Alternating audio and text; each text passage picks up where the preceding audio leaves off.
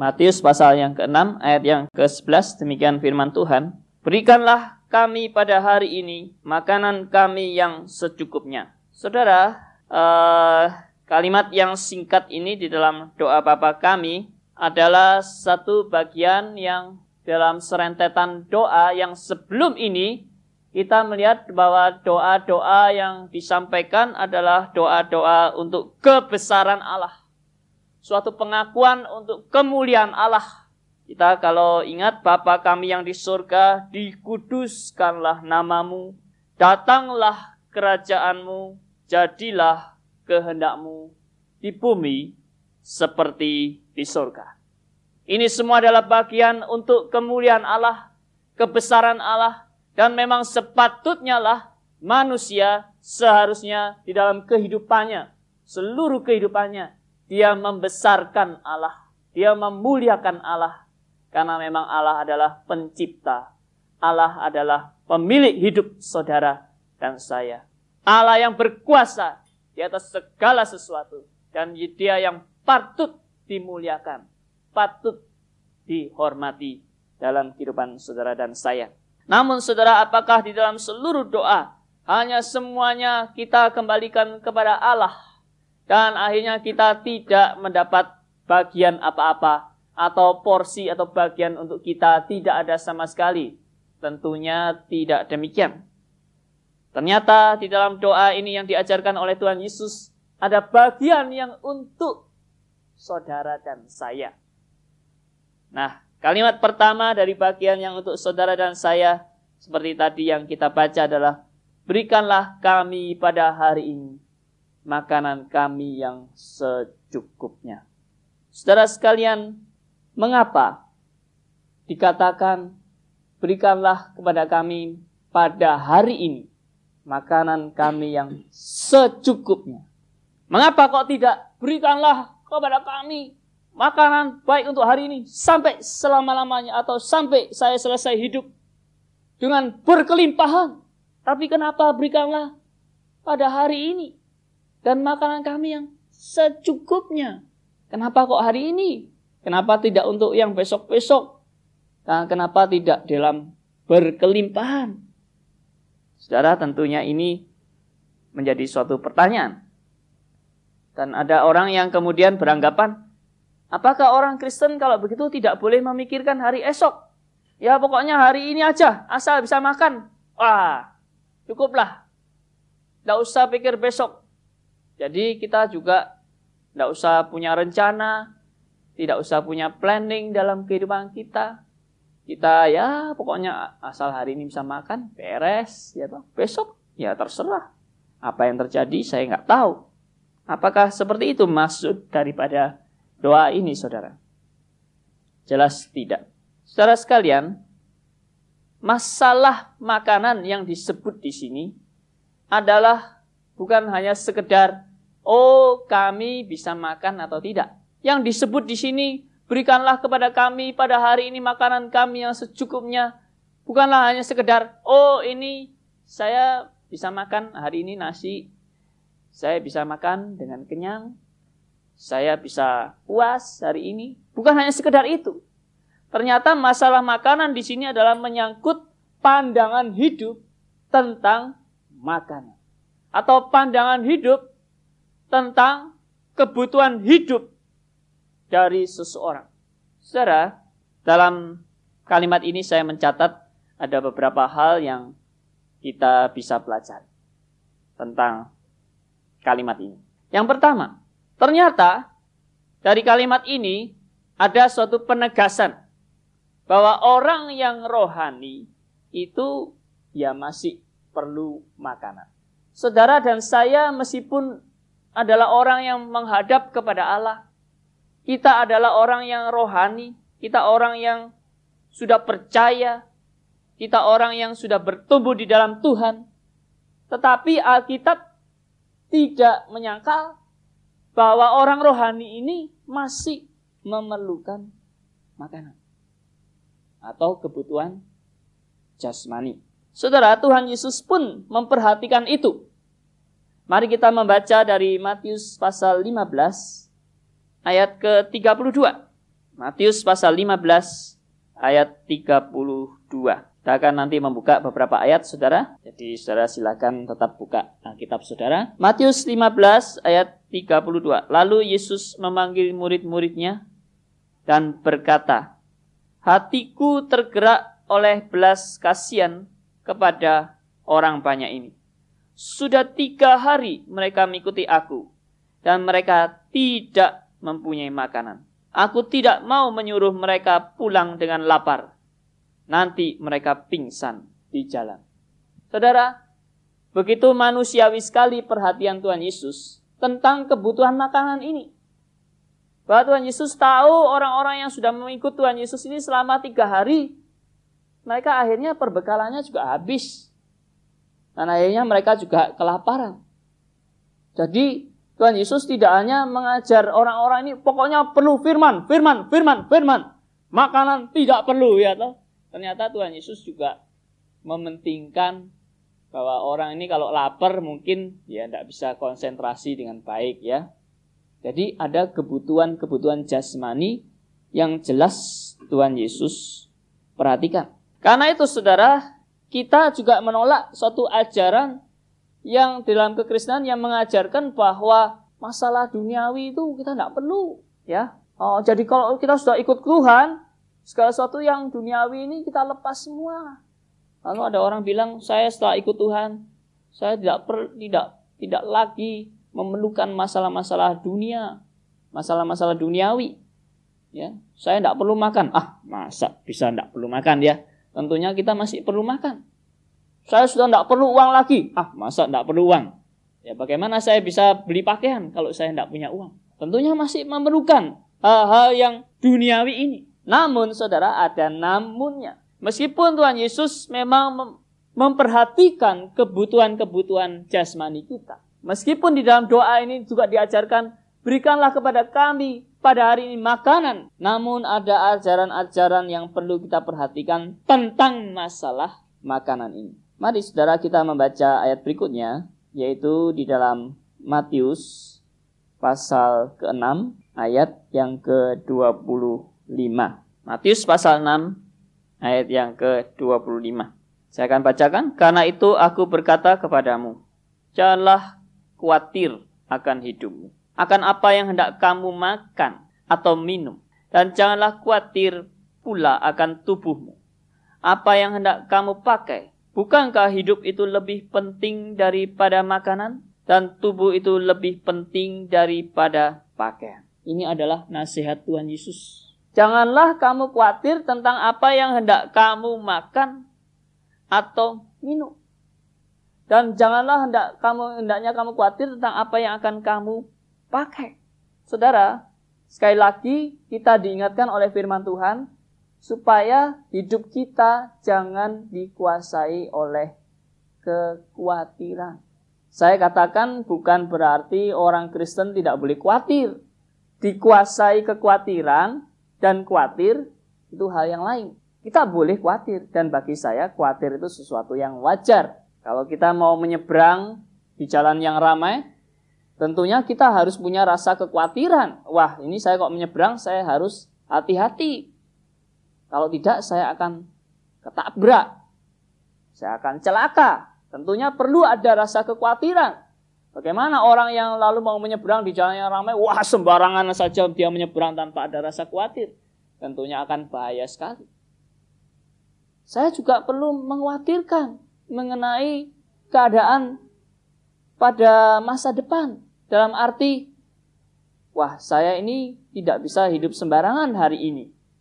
Karena masa depan ini, kalau kita tidak siap-siap betul, dan kita mempersiapkan untuk masa masa depan, kita akan mengalami kesusahan untuk masa depan. Tentunya itu hal yang wajar sekali. Sebagai seorang bisnismen pun, Anda tentu mempunyai planning bukan tentang masa depan bisnis Anda. Anda tidak akan mengatakan ya pokoknya bisnisku hari ini untung besok nggak untung terserah. Toh. Anda tentunya harus mempunyai planning.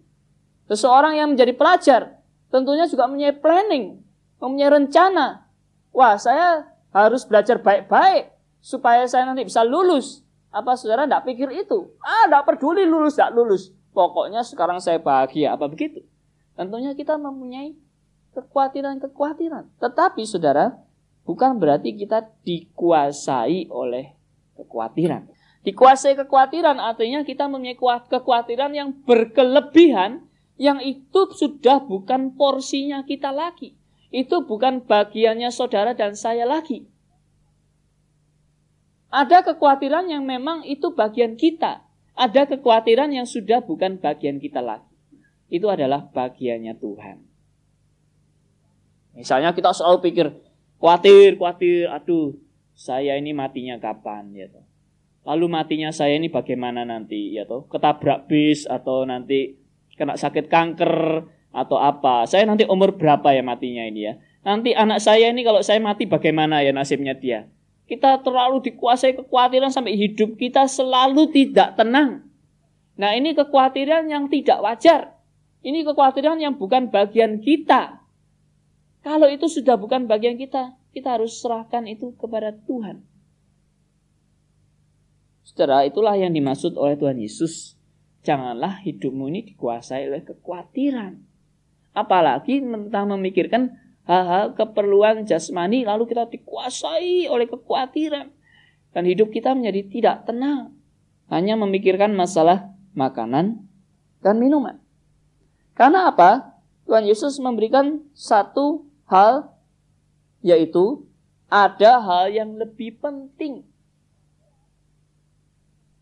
ada hal yang lebih penting dari makanan dan minuman. Ada hal yang lebih penting daripada pakaian. Apa itu? Dikatakan bahwa hidup itu lebih penting dari makanan.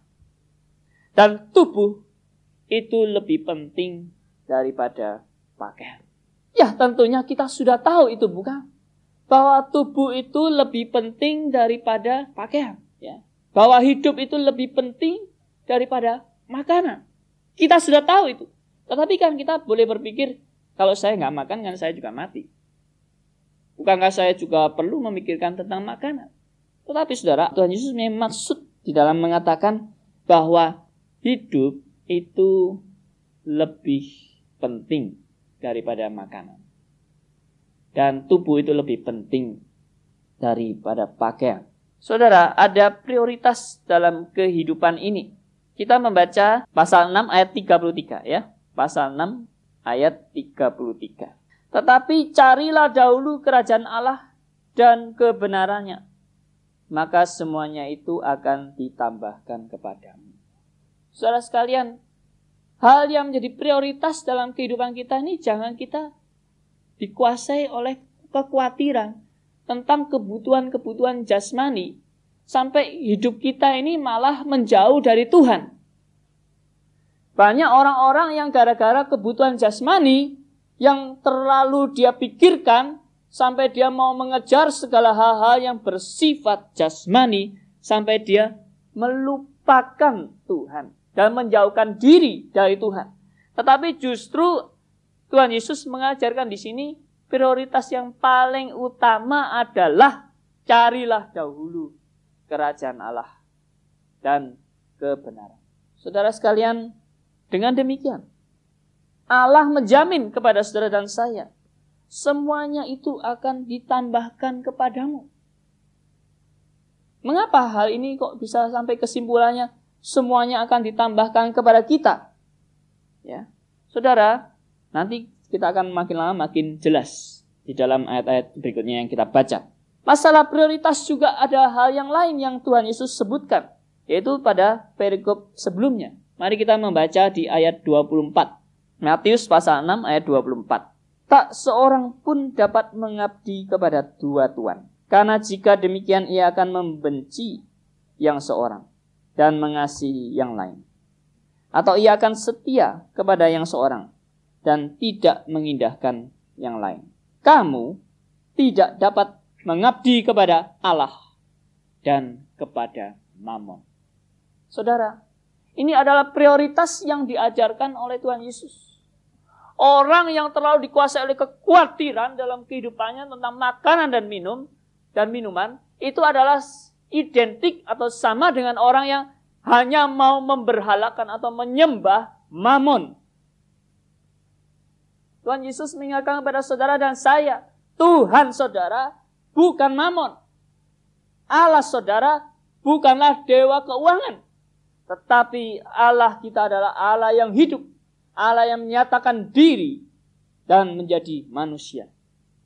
Tuhan Yesus Kristus yang menebus dosa saudara dan saya. Inilah berita kerajaan Allah dan kebenaran. Saudara sekalian, kita tidak bisa mempunyai dua Tuhan. Ada orang bilang, ya saya belum saya belum bisa melepaskan berhala saya ini. Uang ini adalah memang yang berhala saya yang nomor dua. Tuhan saya ya yang nomor satu. Uang ini nomor dua. Ini juga Tuhan saya. Saya mau menyembah dua-duanya. Tidak mungkin. Allah mengatakan kalau orang mempunyai dua Tuhan, pasti salah satu dia sayangi, satunya dia benci. Bagaimana orang dalam hidupnya dia, dia bekerja, dia mempunyai dua bos. Yang kemudian dua bos ini saling mau memerintah kepada dia. Dia lalu mau melayani dua-dua dengan sebaik-baiknya, sama rata. Tidak mungkin. Pasti salah satu dia sayang, salah satu dia kurang dia sayang. Saudara sekalian, jelas dalam hidup kita, kita harus pilih prioritas. Kita harus pilih salah satu dari yang kita mau sembah. Siapakah dia? Mamon atau Allah? Saudara sekalian, banyak orang pikir kalau dia meninggalkan mamon, dia akan rugi besar. Memang saudara yang kelihatan itu memang bisa langsung kita nikmati. Tetapi saudara, firman Allah berulang kali mengingatkan saudara dan saya bahwa pilihan kita kepada Allah bukan pilihan yang membuat kita bisa rugi, pilihan yang membuat kita bisa fatal. Kalau kita memilih bahwa Tuhan kita adalah Allah, itu adalah pilihan yang terbaik, pilihan yang justru tidak ada bandingannya. Saudara sekalian yang namanya mamon, uang, dewa keuangan, dalam sekejap bisa lenyap, dalam sekejap bisa habis. Mari kita lihat berikutnya. Mengapa Allah mengatakan bahwa semuanya itu akan ditambahkan kepadamu? Mengapa Allah mengajarkan kepada saudara dan saya supaya kita memprioritaskan carilah dahulu kerajaan Allah dan kebenarannya? Maka jawabnya ada di ayat 26c dan ayat 30. Ayat 26c saya akan bacakan 26 yang terakhir ya kalimat yang terakhir. Bukankah kamu jauh melebihi burung-burung itu? Kemudian ayat 30. Jadi, jika demikian Allah mendandani rumput di ladang yang hari ini ada dan besok dibuang ke dalam api, tidakkah ia akan terlebih lagi mendandani kamu, hai orang yang kurang percaya? Saudara, Firman Tuhan menegaskan kepada saudara dan saya bahwa Allah pun memelihara burung-burung. Allah pun mendandani rumput yang hanya berumur sehari. Kalau Allah mendandani rumput yang hanya berumur sehari, Allah memelihara burung. Apalagi saudara dan saya, itu pasti dipelihara oleh Allah. Karena inilah alasan Tuhan Yesus mengatakan janganlah kamu dikuasai oleh kekhawatiran. Karena kamu ini jauh lebih penting dari burung-burung. Kamu ini jauh lebih berharga di mata Allah daripada rumput-rumput. Percayakah saudara akan hal ini? Ini adalah suatu keputusan yang dituntut supaya saudara dan saya mengambil arah hidup. Saya mau memilih siapakah yang menjadi Tuhan dalam hidup saudara. Allah atau Mammon. Hal yang berikut yang dapat kita pelajari dari sini adalah ayat 26 dan ayat 30 tadi. Ayat 26 saya akan baca dengan lengkap. Pandanglah burung-burung di langit yang tidak menabur dan tidak menuai dan tidak mengumpulkan bekal dalam lumbung. Namun diberi makan oleh Bapamu yang di surga. Bukankah kamu jauh melebihi burung-burung itu? Ayat 30 kita baca lagi. Jadi jika demikian Allah mendandani rumput di ladang. Yang hari ini ada dan besok dibuang ke dalam api. Tidakkah ia akan terlebih lagi mendandani kamu, Hai orang yang kurang percaya, saudara, tidak hanya dinyatakan bahwa status kita itu lebih dari burung, status kita lebih daripada rumput, tetapi dikatakan ada penjaminnya. Siapakah penjamin itu? Penjamin itu adalah Bapa di sorga. Saudara, dalam kehidupan setiap orang itu, orang selalu ingin jaminan. Orang ikut asuransi karena ingin jaminan. Orang beli barang ingin garansi. Ada jaminan, ya toh? Asuransi jiwa, jiwanya dipikir bisa dijamin dengan asuransi ini. Selalu orang ingin ada jaminan, jaminan, jaminan. Sekarang Allah Bapa menyatakan diri bahwa dia penjamin utama. Kenapa manusia masih ragu-ragu? Dan kenapa orang masih lebih sayang hartanya daripada mencari Allah yang benar? Kenapa orang masih menyayangi hartanya daripada dia mengatakan saya mau memberikan hidup saya untuk dipakai Allah Bapa di surga. Menjadi berkat bagi banyak orang. Saudara sekalian, konsep tentang Dewa Mamon memang begitu banyak menguasai hidup setiap orang. Tidak terkecuali, termasuk hamba Tuhan, termasuk pendeta. Kita semua bisa digoda tentang pandangan kita tentang mamon ini. Jangan dikira yang namanya pendeta sudah tidak perlu uang lagi. Sudah tidak gila uang lagi. Sudah tidak bisa tergoda oleh harta lagi. Siapa bilang? Semua kita manusia bisa jatuh di dalam hal ini. Karena ini khotbah bukan hanya sekedar untuk jemaat, tetapi khotbah untuk semua orang, apa pun statusnya. Baik dia pendeta, baik dia penginjil, baik dia siapa pun statusnya. Ingat bahwa Allah kita bukan mamon. Saudara sekalian, ajaran berikutnya yang dapat kita pelajari dari masalah ini, yaitu kita baca dari ayat 20 7. Ayat 27 mengatakan, Siapakah di antara kamu yang karena kekhawatirannya dapat menambahkan sehasta saja pada jalan hidupnya? Saudara, apa maksudnya ini? Maksudnya adalah dengan kita terus menerus hidup dikuasai kekhawatiran. Itu tidak akan merubah apa-apa dalam kondisi saudara dan saya dengan kita menambah kekhawatiran kita, itu tidak akan memperbaiki hidup saudara dan saya. Berarti kita kalau terus menerus dikuasai kekhawatiran, itu adalah suatu hal yang tidak berguna sama sekali. Ada orang yang rasanya kok menikmati hidup dikuasai oleh kekhawatiran. Tetapi saudara dia tanpa sadar karena dia begitu dikuasai kekhawatiran, hidupnya digrogoti sedemikian rupa sampai dia tidak lagi hidup produktif. Terus hidupnya hanya merenung, merenung, ngelamun, ngelamun, memikirkan kekhawatiran, kekhawatiran, kekhawatiran. Akhirnya hidupnya tidak menghasilkan apa-apa. Jadi percuma kita dikuasai oleh kekhawatiran itu sama sekali tidak ada gunanya. Allah memberikan jalan yang terbaik bagi saudara dan saya. Yaitu carilah dahulu kerajaan Allah dan kebenaran. Maka semuanya akan ditambahkan kepadamu. Saudara sama sekali hal ini tidak mengajarkan kepada saudara dan saya supaya hidup kita ini menjadi orang yang malas-malesan. Pandangan kita tentang jangan kita khawatir tentang makanan dan minuman apa yang kita akan makan, apa yang akan kita minum. Bukan lalu mengajarkan kita, ah sudah tidak usah khawatir, kita mari malas-malasan saja. Toh Tuhan memelihara kita, tidak. Tuhan tidak pernah mengajarkan saudara dan saya menjadi orang yang bermalas-malasan.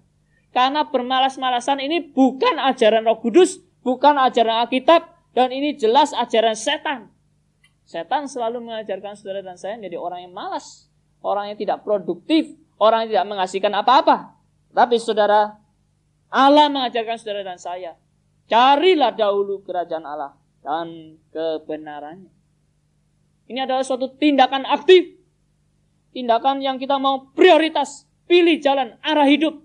Yang jelas kita giat mau melakukan. Carilah dahulu kerajaan Allah dan kebenaran. Jadi orang Kristen tidak boleh malas. Mencari kerajaan Allah dan kebenarannya. Harus ditandai dengan suatu kegiatan-kegiatan yang aktif. Yang sungguh-sungguh. yang tidak main-main. Karena itu pasrah kita, sekali lagi saya katakan, kita tidak pernah diajarkan untuk pasrah bongkoan. Pasrah yang pasif, yang tidak berbuat apa-apa. Kita diajar Tuhan untuk kita selalu giat mencari kerajaan Allah dan kebenarannya. Saudara, ajaran berikutnya kita bisa pelajari adalah di ayat 32. Ayat 32 ini ada dua pelajaran yang dapat kita ambil. Semua itu dicari bangsa-bangsa yang tidak mengenal Allah.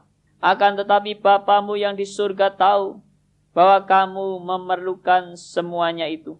Saudara, Allah memilih saudara dan saya menjadi orang-orang yang beriman, menjadi orang-orang yang percaya.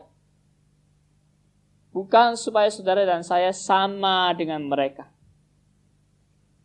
saya dengar uh, dari beberapa rekan tentang khotbah yang lalu, minggu lalu, mengatakan bahwa kita ini berbeda. Firman Tuhan mengatakan kepada saudara dan saya, semua itu dicari oleh bangsa-bangsa yang tidak mengenal Allah. Apa yang dicari? Yaitu tadi, makanan, minuman, pakaian. Semua itu menjadi prioritas bagi mereka. Bahwa orang-orang yang tidak mengenal Allah mengejar itu. Tetapi saudara, kita yang mengenal Allah, bukan itu yang kita kejar. Meskipun Alkitab juga menegaskan kepada saudara saya bahwa itu memang kita perlukan. Tetapi bukan itu yang menjadi prioritas dalam kehidupan kita. Bukan itu yang kita kejar. Kita bukan bangsa-bangsa yang tidak mengenal Allah. Kita mengenal Allah. Karena itu prioritas hidup orang Kristen harus berbeda dengan prioritas hidup orang yang tidak percaya. Harus berbeda. Sikap hidup orang Kristen harus berbeda. Cara pandang orang Kristen tentang keuangan. Kita bukan bangsa-bangsa yang tidak mengenal Allah. Kita mengenal Allah. Karena itu prioritas hidup orang Kristen harus berbeda dengan prioritas hidup orang yang tidak percaya. Harus berbeda. Sikap hidup orang Kristen harus berbeda. Cara pandang orang Kristen tentang keuangan harus berbeda dengan cara pandang orang yang tidak mengenal Allah. Cara pandang orang Kristen tentang keluarga harus berbeda dengan cara pandang orang yang tidak mengenal Allah. Cara pandang orang Kristen tentang bisnis, tentang pekerjaan, tentang masa depan hidup tentang teman hidup, semuanya harus berbeda. Karena kita adalah orang-orang yang mencari kerajaan Allah dan kebenaran. Bukan mencari segala sesuatu untuk kepentingan, kepuasan, dan kenikmatan bagi saudara dan saya. Dan dikatakan, Bapamu yang di surga tahu bahwa kamu membutuhkan semuanya itu. Saudara sekalian, Mengapa kita tidak khawatir? Mengapa kita tidak perlu dikuasai kekhawatiran itu? Mengapa ada porsi-porsi yang bukan bagian kita, kita serahkan kepada Tuhan? Karena itu bukan bagian kita, itu sudah menjadi bagian Allah. Dan Bapa yang di surga sudah tahu semuanya. Dia menyiapkan yang terbaik bagi saudara dan saya. Karena itu sekali lagi saya katakan orang Kristen tidak perlu dikuasai kekhawatiran tentang masa depan, tentang nanti bagaimana aku mati, nanti bagaimana kalau hartaku habis, bagaimana kalau anakku tidak ada yang didik, bagaimana nanti kalau bisnisku gagal, dan sebagainya, dan sebagainya. Tidak perlu dikuasai kekhawatiran. Karena Bapa yang di surga yang memelihara kita. Dia menjamin semuanya. Nah saudara, dari ayat-ayat yang kita baca ini, kita bisa mulai mengerti mengapa Tuhan Yesus katakan, berikanlah kepada kami pada hari ini makanan kami yang secukupnya. Karena doa ini dilandasi oleh ketidakkhawatiran tentang masa depan. Doa ini dilandasi dengan keyakinan Bapa memelihara kita. Doa ini dilandasi dengan suatu pandangan bahwa Allahku bukan mamon, tetapi Allahku adalah Allah yang bisa memelihara hidup. Doa ini dilandasi dengan suatu keyakinan. Bahwa hidup itu lebih penting dari makanan. Dan tubuh itu lebih penting dari pakaian. Karena itu berikanlah kami pada hari ini makanan kami yang secukup. Allah Bapa tahu memelihara hidup kita dan menjamin hidup saudara dan saya. Inilah landasan doa itu. Bukan lalu ah kita apa? Uh, sudah hari ini aja pokoknya saya perlu makan besok terserah mau nak makan mau makan. Bukan begitu. Tapi dilandasi dengan suatu keyakinan. Tuhan memelihara hidup kita. Dan makanan atau minuman bukan suatu prioritas. Bukan suatu dewa bagi saudara dan saya. Bukan yang kita sembah. Dan itu bukan yang kita prioritaskan, yang kita cari. Seperti orang-orang yang tidak mengenal Allah. Mereka yang mencari itu. Mereka yang memprioritaskan itu. Memang orang yang tidak mengenal Allah hanya cari makanan, cari minuman, cari pakaian. Itu yang mereka cari. Kenikmatan hidup itu yang mereka cari. Kita mencari kerajaan Allah dan kebenarannya. Ayat berikutnya yang kita baca. Mari kita baca dari Yohanes pasal 6 ayat ke-27. Yohanes pasal 6 ayat 27. Ini nasihat Tuhan Yesus bagi orang-orang yang selalu ingin mengejar kekenyangan di dalam kehidupan dia. Yohanes 6 ayat 27 demikian, bekerjalah bukan untuk makanan yang akan dapat binasa, melainkan untuk makanan yang bertahan sampai kepada hidup yang kekal yang akan diberikan anak manusia kepadamu.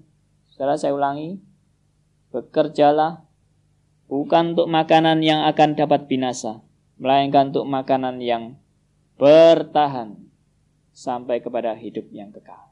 Saudara ini adalah motivasi kerja.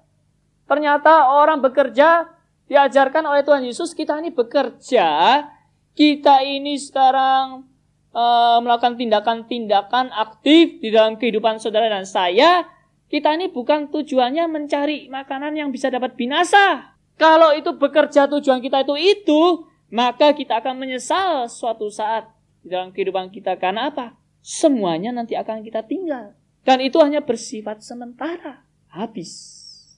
Dan lenyap. Saudara, inilah motivasi bekerja. Aneh bukan? Bekerjalah Bukan untuk makanan yang akan dapat binasa. Melainkan untuk makanan yang bertahan. Sampai kepada hidup yang kekal. Saudara ini adalah suatu konsep integrasi yang kuat. Yang diajarkan oleh Tuhan Yesus. Bahwa manusia apa pun yang dia lakukan. Apa pun yang dia garap. Itu orientasinya kepada untuk hidup yang kekal. Untuk mencari kerajaan Allah dan kebenarannya bukan untuk mencari hal-hal yang bersifat sementara, tetapi untuk hal-hal yang bernilai kekal. Maka, dengan demikian saya bisa menerjemahkan bahwa setiap yang digarap oleh manusia, saudara, baik saudara berbisnis, baik saudara studi, baik saudara mencari uang, saudara bekerja, apa pun yang saudara lakukan itu tidak lepas kaitannya dengan nilai-nilai kekal yang kita akan perjuangkan dalam hidup. Karena itu orang Kristen kalau hanya sekedar berbisnis, ah untuk cari uang keuntungan sebanyak-banyaknya. Hanya itu saja. Saya katakan dia belum mengerti akan arti kehidupan Kristen. Kalau ada orang Kristen yang studi, ah supaya dia nanti pinter bisa dapat gelar. Hanya itu saja. Dia belum menjadi orang Kristen yang mengerti akan tujuan dan nilai hidup yang sebenarnya.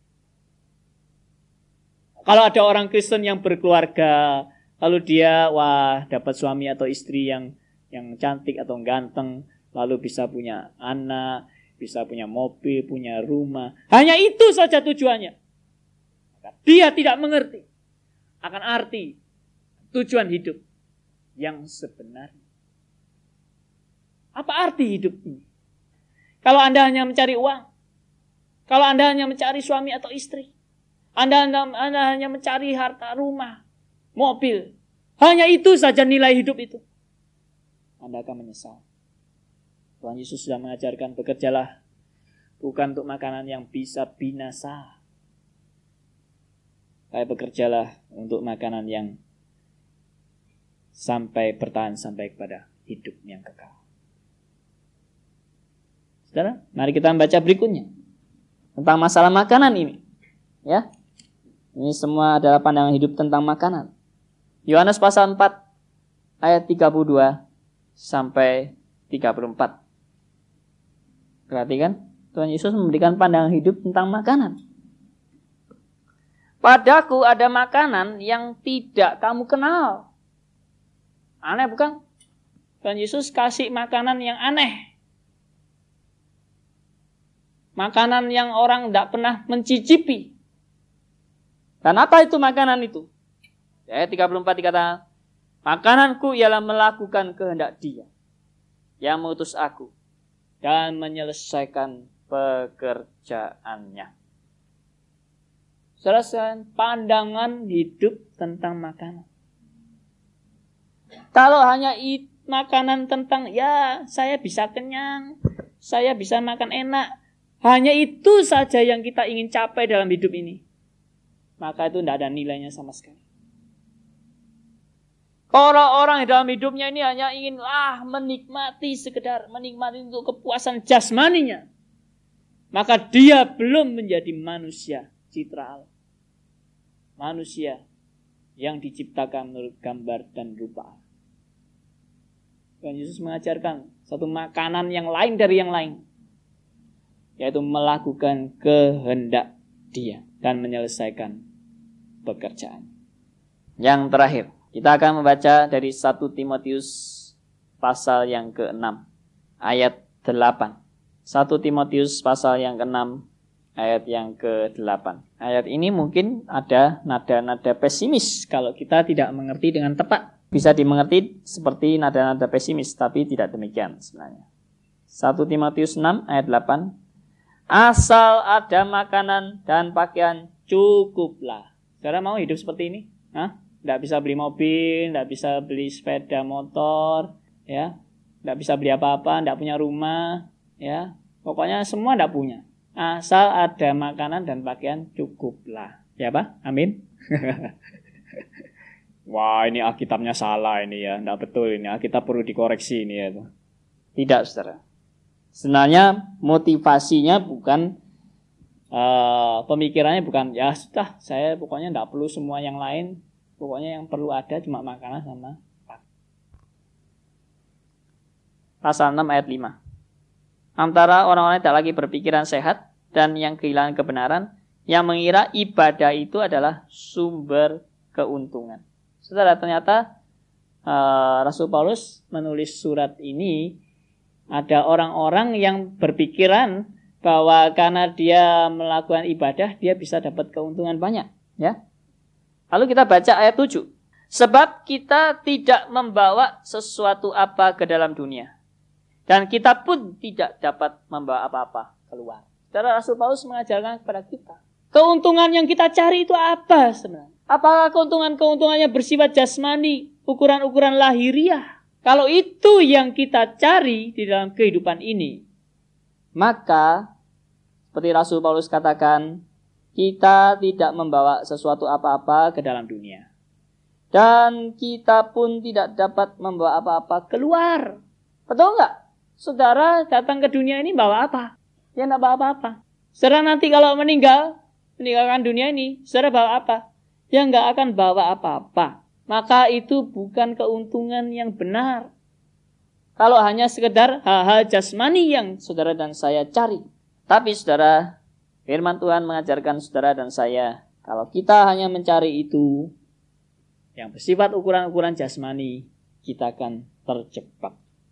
Mari kita baca ayat 9. Perhatikan ayat 9, kita baca bersama-sama bersuara 1 2 3. Tetapi mereka yang ingin kaya terjatuh ke dalam pencobaan, ke dalam jerat dan ke dalam berbagai-bagai nafsu yang hampa dan yang mencelakakan yang menenggelamkan manusia ke dalam keruntuhan dan kebinasaan. Saudara sekalian, mereka yang ingin kaya. Orang yang di dalam hidupnya hanya orientasinya kepada hal-hal yang bersifat dunia. Mereka yang bernafsu untuk mencapai hal-hal yang seperti ini, mereka akan terjerat dan mereka akan jatuh ke dalam pencoba. Saudara sekalian, ini adalah warning saudara dan saya. Karena itu Tuhan Yesus mengajarkan kepada saudara dan saya, berikanlah kami pada hari ini makanan kami yang secukupnya. Ini mau menunjukkan suatu motivasi kita. Supaya kita punya pandangan hidup yang benar tentang makanan dan minuman dan pakaian. Segala sesuatu yang kita cari di dunia ini apa? Hari ini dan secukupnya. Ya itu yang menjadi peringatan bagi saudara dan saya. Karena pegangan hidup kita bukan dari makanan dan minuman dan pakaian. Tapi pegangan hidup kita hanya kepada Allah. Kebergantungan kita bukan dari materi, dari kekayaan, tapi kebergantungan saudara dan saya hanya kepada Allah. Berulang kali kita sudah diingatkan. Ada orang yang begitu kaya raya. Bisa langsung jatuh miskin. Orang yang begitu banyak hartanya. Langsung bisa kehilangan harta dalam sekejap. Semua itu tidak kekal. Dan firman Tuhan yang mengingatkan kepada kita di ayat 10. 1 Timotius 6 ayat 10 ini. Karena akar segala kejahatan adalah cinta uang. Sebab oleh memburu uanglah Beberapa orang telah menyimpang dari iman dan menyiksa dirinya dengan berbagai-bagai duka. Ingat, saudara memang perlu bekerja mencari uang. Saudara dan saya perlu bekerja cari uang. Tetapi motivasi kita bukan karena kita ingin jadi kaya raya. Kita ingin meraih keuntungan sebesar-besarnya. Kita begitu dikuasai oleh keserakahan hidup. Dan hidup kita akan hancur karena itu. Saudara sekalian, kalau saya mempelajari perjalanan hidup para konglomerat beberapa konglomerat itu ada yang sharing ya bagaimana hidup mereka pada mulanya. Yang sharing dia dulu itu uh, berjualan dengan naik sepeda. Dia jual barang-barang kelontong ya, naik sepeda keliling-keliling rumah. Saudara bisa membayangkan seandainya saudara hidup dulu melihat naik sepeda. Bisa bayangkan lalu nanti jadi konglomerat. Sekarang kalau kita lihat semua orang yang naik sepeda di kota Surabaya, Bagaimana penilaian kita terhadap mereka? Orang-orang yang naik sepeda. Kita sering kali kan memikirnya, ah orang seperti ini ya, ya itulah hidupnya dia. Pernah bayangkan ada dari mereka yang bisa jadi konglomerat? Cara saya melihat orang sampai bisa meraih peluang-peluang seperti itu. Kalau tidak karena anugerah Tuhan, kalau tidak karena Tuhan buka jalan, dia tidak mungkin bisa mempunyai peluang-peluang. Ada orang yang kerjanya setengah mati beratnya. Ya. Pagi, siang, sore, malam. Terus bekerja. Tapi tetap dia melarat. Ada orang yang ternyata santai-santai hidupnya. Saya lihat kadang-kadang, lo orang ini kok bisa kaya ya? Padahal dia itu ya caranya cari duit ya enggak karu-karuan kalau saya lihat ya toh. Lu kok bisa kaya? Kok aneh? Ya. Semua itu anugerah Tuhan. Kita tidak perlu iri orang kaya tidak kaya. Dan itu bukan hak kita untuk menentukan saya jadi kaya atau miskin. Saya melihat semua itu adalah karunia Tuhan, pemberian Tuhan. Tetapi porsi saudara dan saya apa? Kita berusaha. Kita boleh berusaha. Kita boleh bekerja. Tetapi motivasi kembali lagi diingatkan. Bekerjalah bukan untuk makanan yang dapat binasa. Melainkan bekerjalah untuk makanan yang bisa bertahan sampai hidup yang kekal. Itu motivasi kita. Kita mau bekerja, kita mau bertindak aktif di dunia ini, berkarya di dunia ini. Tetapi nanti hasilnya, saya nanti mau jadi orang kaya atau jadi orang miskin. Itu semua adalah hak dari Tuhan untuk menentukan hidup saya. Kalau hidup saya memang yang terbaik jadi orang kaya, Tuhan jadikan saya kaya. Hidup saya yang terbaik tetap jadi miskin. Itu yang terbaik buat saya. Tetapi saya tetap mau bekerja untuk mencari kerajaan Allah dan kebenarannya. Biarlah ini menjadi berkat bagi saudara dan saya. Amin.